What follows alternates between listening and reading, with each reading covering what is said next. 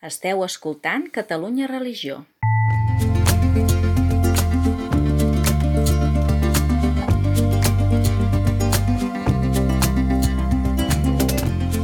Converses en la frontera, un podcast de Gabriel Jaraba i Xavier Morlans.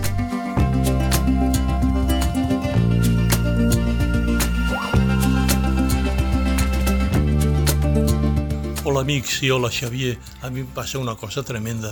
Jo que sóc un fan de la comunicació i m'agraden les coses que passen, ara que està de moda això de la intel·ligència artificial, doncs jo estic molt preocupat perquè m'ho miro bé i penso que no és ni una cosa ni és una altra, no és ni intel·ligència ni artificial, és una conya una mica divertida, però que en el fons hi ha un drama. Hem arribat a considerar una cosa que fins i tot es diu que pot amenaçar la nostra civilització i jo penso que el que hi ha és encara molta tela per tallar perquè mm, no sabem en el fons de què va de veritat la nostra civilització. A mi el que em preocupa és que s'identifica intel·ligència amb acumulació d'informació. I aquí penso que tenim un gran problema antropològic. La intel·ligència no és només la informació, sinó sobretot la capacitat de discernir la informació, la capacitat d'establir relacions, sinapsis, eh, que fa el cervell humà, que fa l'ànima humana, no? I en aquest sentit em preocupa també molt, eh, això lliga molt amb el transhumanisme, no? perquè és a base de la capacitat, per exemple, de concentrar la informació que té un cervell, sabem que Silicon Valley, segons ens expliquen, s'està especulant en la possibilitat d'una certa immortalitat a base de, de poder concentrar, guardar tota la informació d'un cervell en, en un ordinador. No? I això, potser per defecte professional, com a, com a persona que, que treballa la teologia, a mi em fa veure una cosa que em resulta inquietant, inquietant veure com una mena de guadiana, una mena de, de, de riu subterrani que de tant en tant en la història treu al cap, que és aquesta mena de menyspreu del cos, ho dic així una mica clar i català, menyspreu del cos i situar la dignitat humana en un suposat nivell de la ment o de l'esperit. Potser ho podem anar precisant una mica en la conversa, no? I això apareix ja al segle segon del cristianisme amb la gnosi, G-N-O-S-I, eh? Diferent d'agnosticisme. Si es posa una A davant, la A en el grec és privativa, agnòstic vol dir no sé, no contesto. Però si no hi ha la A, sinó la JN, gnosi, que ve de gignosco, de conèixer, vol dir el moviment esotèric que proposa que la salvació consisteix en alliberar-se del cos i en accedir a un cert nivell espiritual o fins i tot retornar a la condició divina que ja, que ja tindríem.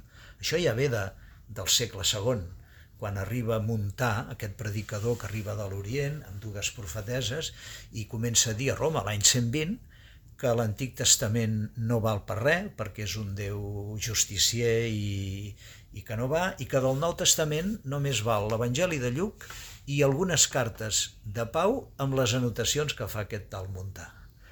I la interpretació i els evangelis apògrifs, com l'Evangeli de Judes, que de tant en tant certs mitjans de comunicació ens tornen a passar per Setmana Santa, eh, dedicats als cristians, eh, està clar que Jesús arriba allà, l'Evangeli de Judes, i els, els apòstols estan beneint taula. I els diu, però què feu?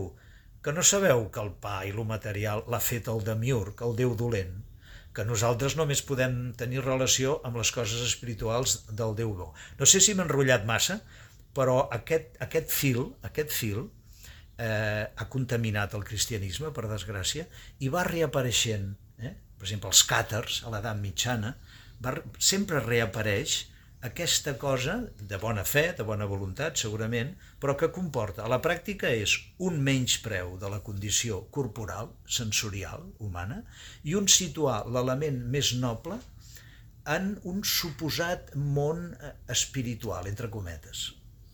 Sí, és molt curiós perquè això, això jo crec que, a veure, ara estem en plena eclosió d'això, d'aquest gnosticisme, com de gnosticisme, el qual etimològicament no només volia dir el que tu has explicat molt bé, sinó que volia dir, i ho deia intencionadament, compte que jo sé, eh? jo conec, eh?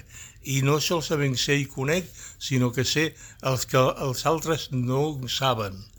Ostres, és gruixut, eh? Sí. Clar, aquesta oposició amb, amb la universalitat de les, de les grans religions autèntiques, el, el, el, el, el cristianisme, el budisme, l'islam, mm, ostres, hi ha l'hinduisme, amb tret d'alguns aspectes una miqueta problemàtic, però bueno, com que n'hi ha molts, ni hinduismes, no, però el sikhisme, per exemple, com a renovació, com a moviment de renovació i de depuració de l'hinduisme i de l'islam és molt... A veure, jo crec que hauríem de hauríem d'aprendre molt dels sikhs que tenim uh, a casa nostra i que són gent d'una ètica insubornable. Eh? Mm. Doncs bé, aquesta, aquest més del, que tu no saps, Elis, Elis, eh? Sí, sí, sí, sí. doncs I- és i per- molt significatiu. No? I per això no necessito anar a missa, no necessito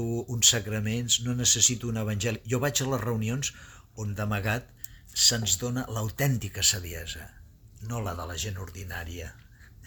Clar, i la, la pregunta sempre és qui la dona, a partir de què eh, i, que, i d'on li ve aquesta autoritat. Aquesta sí que és una pregunta cristiana Sí. i sí que és una pregunta eh, lícita. En realitat, el que, el que ens trobem ara exactament amb el mateix, no? Mm, la, ciència, la, la tecnociència, aquesta barreja de ciència i tecnologia, que és quelcom més que ciència i que aspira a ser més que tecnologia, mm, ens diu, mireu, eh, l'única manera de tirar endavant és elevar-nos per sobre de la condició humana. Hem d'aspirar alguna cosa més que no tenim prou amb ser simplement humans, perquè sent simplement humans no podem fer front a tots els nostres problemes. Hem de ser eh, superhumans. Eh? El que passa és que no s'atreveixen a anomenar les males paraules filosòfiques dels anys 30, no?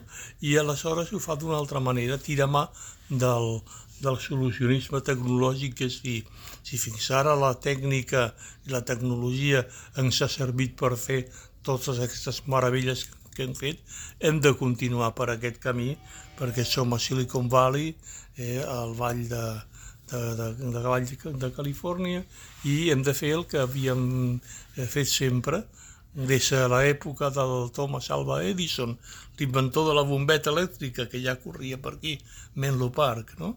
Dius, ostres, eh, hem de fer alguna cosa més. Eh? I aleshores, mm, i aleshores és molt curiós perquè s'embolica aquesta mateixa manera de pensar en què concentra com una mena de pastilla de supercaldo concentrado eh? totes les contradiccions eh, ideològiques i espirituals que tenen allò que anomenem civilització, allò que anomenem espiritualitat, allò que, anem, que anomenem religió i allò que, anem, que anomenem història.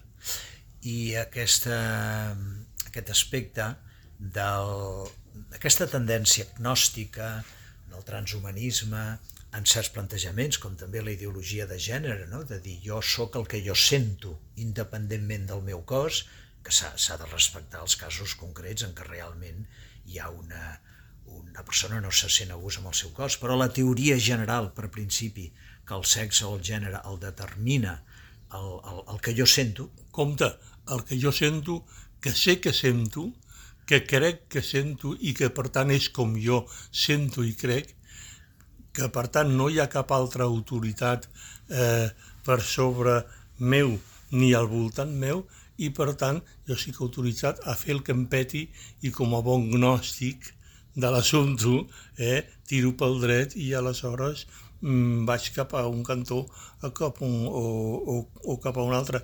Això és terrible perquè això té la capacitat de destruir una societat sen sencera a partir de les seves pròpies bases. Per això el document del Comitè d'Ètica de la Generalitat, amb, amb gent molt preparada, ja al juny de l'any passat va fer un document en què demanant una cura molt, molt curosa, valgui la redundància, per atendre a cada adolescent que presenti, diguéssim, una, una dificultat, però eh, recomanen de no precipitar tractaments hormonals o tractaments eh, quirúrgics, això és una pauta. Però fixa't com hem fet aquest link, no? com hem passat del gnosticisme del segle II als càters de l'edat mitjana, eh, com hem passat al tema del transhumanisme i de, i de la ideologia de gènere, i com això ens permet redescobrir l'autèntic cristianisme, perquè ara sí que vaig de capellà i de teòleg, no, de cristià, no? i de dir la paraula es va fer carn, és, és un, el, el, el Joan, el pròleg de l'Evangeli de Joan, el quart Evangeli, no? 1.18, i hologos sarx egeneto, i el logos, la paraula, es va fer carn, que aquest carn es pot traduir, en hebreu era basar, és, és, és fragilitat humana, eh? No hem de pensar de seguida la carn purament amb el sexe, sinó és la condició mortal eh, vulnerable, feble. No? Clar, una religió que creiem que eh, la divinitat, el fill de Déu, es fa carn i que l'assumeix i que pateix i que plora i riu i té set i, i, i pateix angoixa Getsemaní, bueno, no, no, no ens podem desentendre de cap manera del cos. Com diu aquell teòleg dels començaments del cristianisme, caro, cardo, salutis. Caro és carn. Cardo vol dir el, el pern, eh? el quicio, eh? l'eix, salutis de la salvació. Eh? ho afirmen Tertulià, Ireneu, la carn és l'eix de la salvació, és, és la peça clau on s'hi juga la salvació. Si realment Déu s'ha encarnat i s'ha fet carn, i ha assumit, i ha mort, i ha ressuscitat amb un cos transfigurat, aquí està la salvació. No en què una part de la nostra, la part mental nostra, pugi cap al cel i torni a la divinitat potser és una mica materialista aquesta religió nostra, no, Gabriel? El cristianisme és... Jo crec que afortunadament ho és, perquè justament eh, només allò que, allò que el, jo parteixo de la base de que tothom té bones raons per fer el que fa. Mm-hmm. Eh, I totes les idees humanes en principi que l'home, que l'ésser humà genera, són idees que som de bona fe no està mal pensat, això, si tu mires. Eh? Estic d'acord, estic d'acord. Està mal pensat, és a dir, l'aspiració, eh, l'aspiració mm, diguem agnòstica, doncs està molt bé. Fixa't, per exemple, els catalans, durant tants anys, quina patxoca que ens ha fet i com ens agrada això dels càters. Déu me'n guardi a mi, home, home democràtic, i laic i contemporani de viure en un món polític i social ben càtar, és a dir, pur, eh, immaculat i aspirant a la, a la puresa. Això és el, això és l'Iran dels ayatollahs. els ayatollahs. Ayatoles, vull dir, ja no sé sí. com es deia actualment. No, aquesta aspiració a la puresa, aquesta aspiració a ser, a no ser simplement un home, aquesta aspiració, aquest rebuig de la carn que, com ja deia Pau, em fa ensopegar i em fa patir i em fa fer el mal que no vull eh, i no em deixa fer el bé que voldria fer, en realitat és molt humà, és precisament és tan humà això que es carnifa fins i tot, no? Tots els nostres avantpassats recents, fins i tot contemporanis, que per ells el sexe ha estat una cosa, doncs, per a vegades feixuga. I no només el sexe, sinó, sinó la manera de viure, per exemple, la República Catalana, eh, la dels anys 30, eh, la Barcelona republicana, a la qual eh, eh, figurava que la societat s'alliberaria per fi del capitalisme i de la, i de la monarquia i de l'opressió, en realitat la Barcelona d'aleshores era un mercat de sexe i de drogues importantíssim, el més important d'Europa. La gent feia cap a Barcelona perquè era el paraís de la cocaïna i la prostitució. Això durant la República del 30? Sí, i està a la, a la música popular, està als espectacles del Paral·lel, un, i un èxit eh, de l'època que es deia Tango de la cocaïna i evidentment, doncs clar, tots els historiadors del moviment obrer saben que l'edat, d'inici a la prostitució de les filles dels treballadors que vivien al barri xino, doncs era als 11 anys. Caram, què clar, dius? Sí, és que això està escrit als llibres d'història. És a dir, eh, és a dir que allò que quan la gent et diu oh, és que algun gent gran, és que Barcelona, el paral·lel d'aquella època sí que era una cosa, doncs que lluïa molt, dius, a les esquenes aquí. I després, que tant és així, que tot el moviment obrer, tot el moviment obrer, i quan dic tot vull dir tot, va ser absolutament devorat culturalment per la cultura del cabaret, de la prostitució, i del, i de, i del sexe de pagament de, de, de, de l'època. Tant és així que podem dir mm, la majoria, si no el 90, el 95 o el 98% de fills de treballadors, podem dir que els nostres pares es van iniciar necessàriament en el sexe a través de la, prostitu de la prostitució. Però, escolta, Gabriel, hi havia també aquells anarquistes dels Ateneus, de la cultura, aquell anarquista humanista que pinta Joan Sales a Incerta Glòria, eh?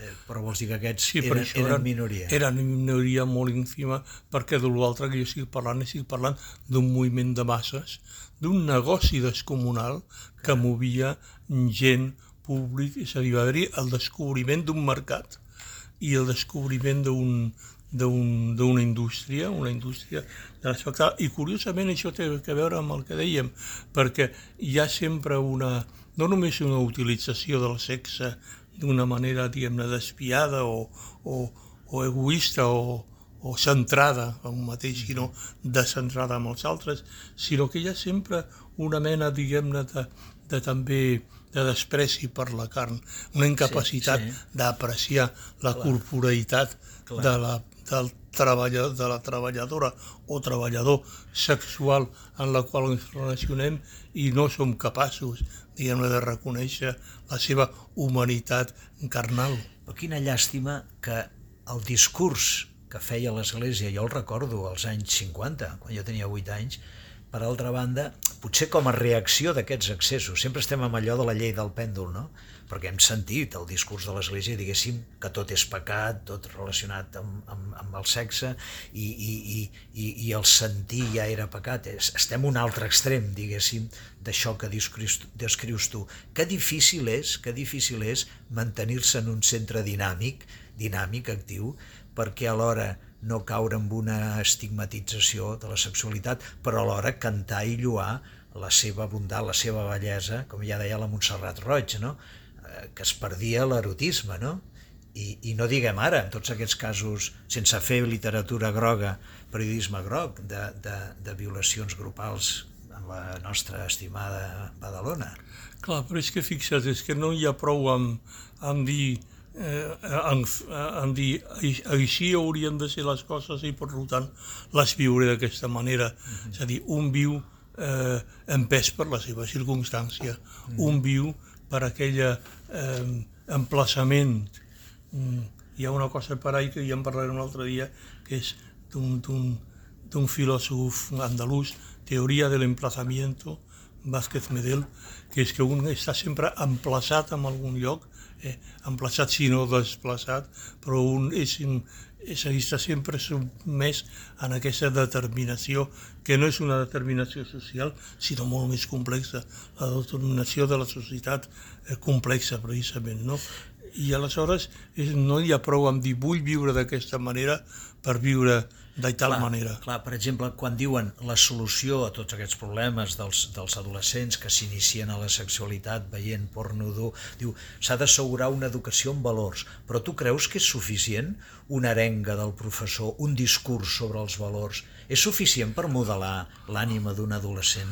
La manera com parla d'això el món educatiu en general i sobretot la manera com en parla la Generalitat de Catalunya és, al meu entendre, modest, profundament repugnant eh, la, els responsables de l'atenció a la infància, de la infància de, de, del nostre país tenen una visió d'aquesta infància i del món en general que em sembla no hi ha d'una ingenuïtat, sinó d'una estultícia eh, profunda.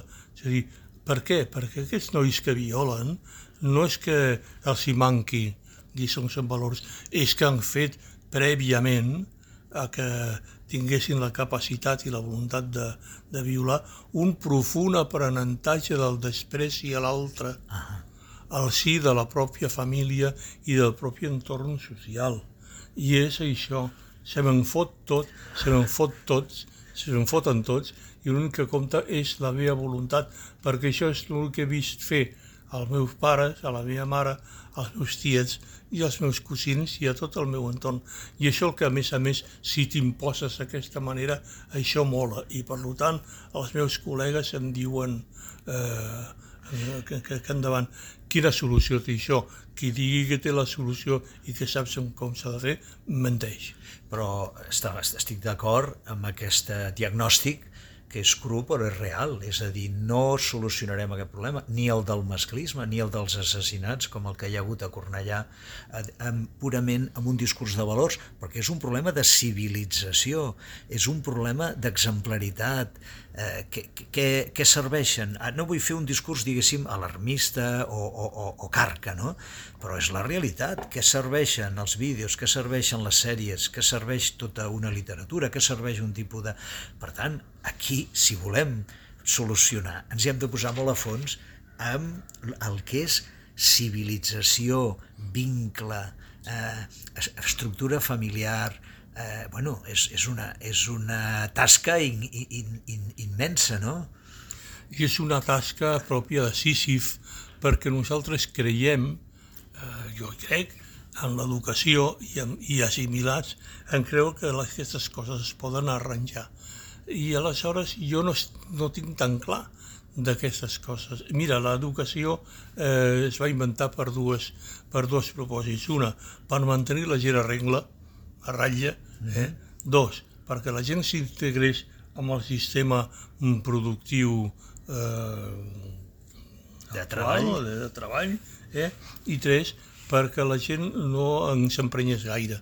M'explico? Mm -hmm. És a dir, el que nosaltres coneixem com a educació, diguem-li escola, és un sistema de, no solament de reproducció del propi sistema i dels mitjans de producció, com diríem si fóssim marxistes, sinó una altra cosa molt més, molt més crua mm, que s'exemplifica d'aquesta manera. Fins ara fa poc, i encara, l'arquitectura de l'escola, de la fàbrica, de l'edifici institucional i del quarter militar és exactament la mateixa. Hi ha poc que diferenciï l'aula d'una escola que eh, la dependència d'una caserna.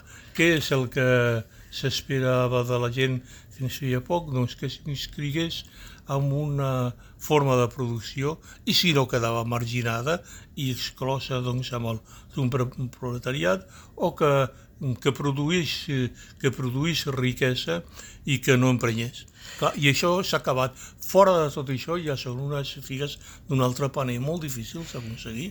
Recordo que temps enrere vaig llegir a la premsa que el govern de Gran Bretanya es plantejava crear escoles per ensenyar als pares a contenir la ira. Eh, sembla que no va, no va tirar endavant, perquè potser no hi havia. Però jo em pregunto, amb permís, i què s'hi fa als milers d'esglésies, d'assemblees evangèliques, de sinagogues. Eh, què s'hi fa als milers d'esglésies de, de, de, del món, sinó, entre altres coses, ensenyar a contenir la ira, ensenyar el respecte a l'altre. És a dir, eh, em sembla que acabem avui, Gabriel, fent, fent un cant a la, a la religió, també, juntament amb l'humanisme ateu i agnòstic eh, humanista, de com necessitem aquesta pluja, aquesta saó per poder modelar eh, les ànimes o el, cor de, de, dels adolescents i dels adults, no? Clar, perquè jo ara diré una cosa molt reaccionària i molt de dretes, eh, que dirà, eh, a veure si us explicar, mm, es critica que molta gent no té cap mena de sentit de la, de la culpabilitat, eh, afortunadament, perquè hi ens hem tret de sobre. Ens hem alliberat de la culpabilitat. I jo dic, coi, alguns haurien de tenir aquest sentit de culpabilitat per al compte que els porten ells i a nosaltres. Amics, ho deixem aquí. Eh, mediteu, si voleu, aquesta importància de trobar també l'equilibri entre la, la sensorialitat, la corporalitat i, i els reptes immensos que tenim. Fins la propera.